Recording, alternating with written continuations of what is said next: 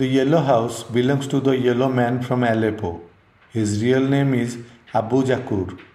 He chose yellow because it's a color for happiness and joy. He says, People loved me from the beginning, and I want to repay them that love. But Free Syrian army rebels slapped the yellow man, kicked his head, insulted him, made him bark like a dog, and spitted on him, calling him a spy. They asked about his religion and made him say he hated the president. I'm going to take you to school, the rebel said.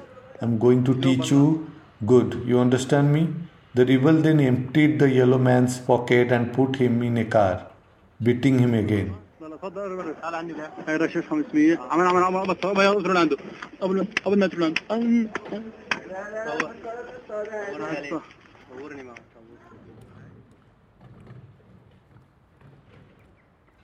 Pari told me once humanity might appear so small in front of the yellow man's helplessness.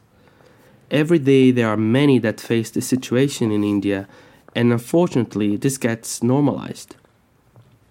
Let's consider the yellow man, this stranger, and declare the yellow house a special sheltering place for him or other strangers alike. A space safe from suffering and humiliation, a space for happiness and love. I bet the great Mayflower founder, Beda Hallberg, would agree with us on this.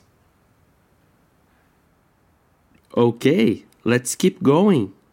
Now on to the next point of interest, Har Vakui in the Volan Path. I would like you to find the stage placed in the Volan Path. It can be found just behind the yellow house, towards the construction site.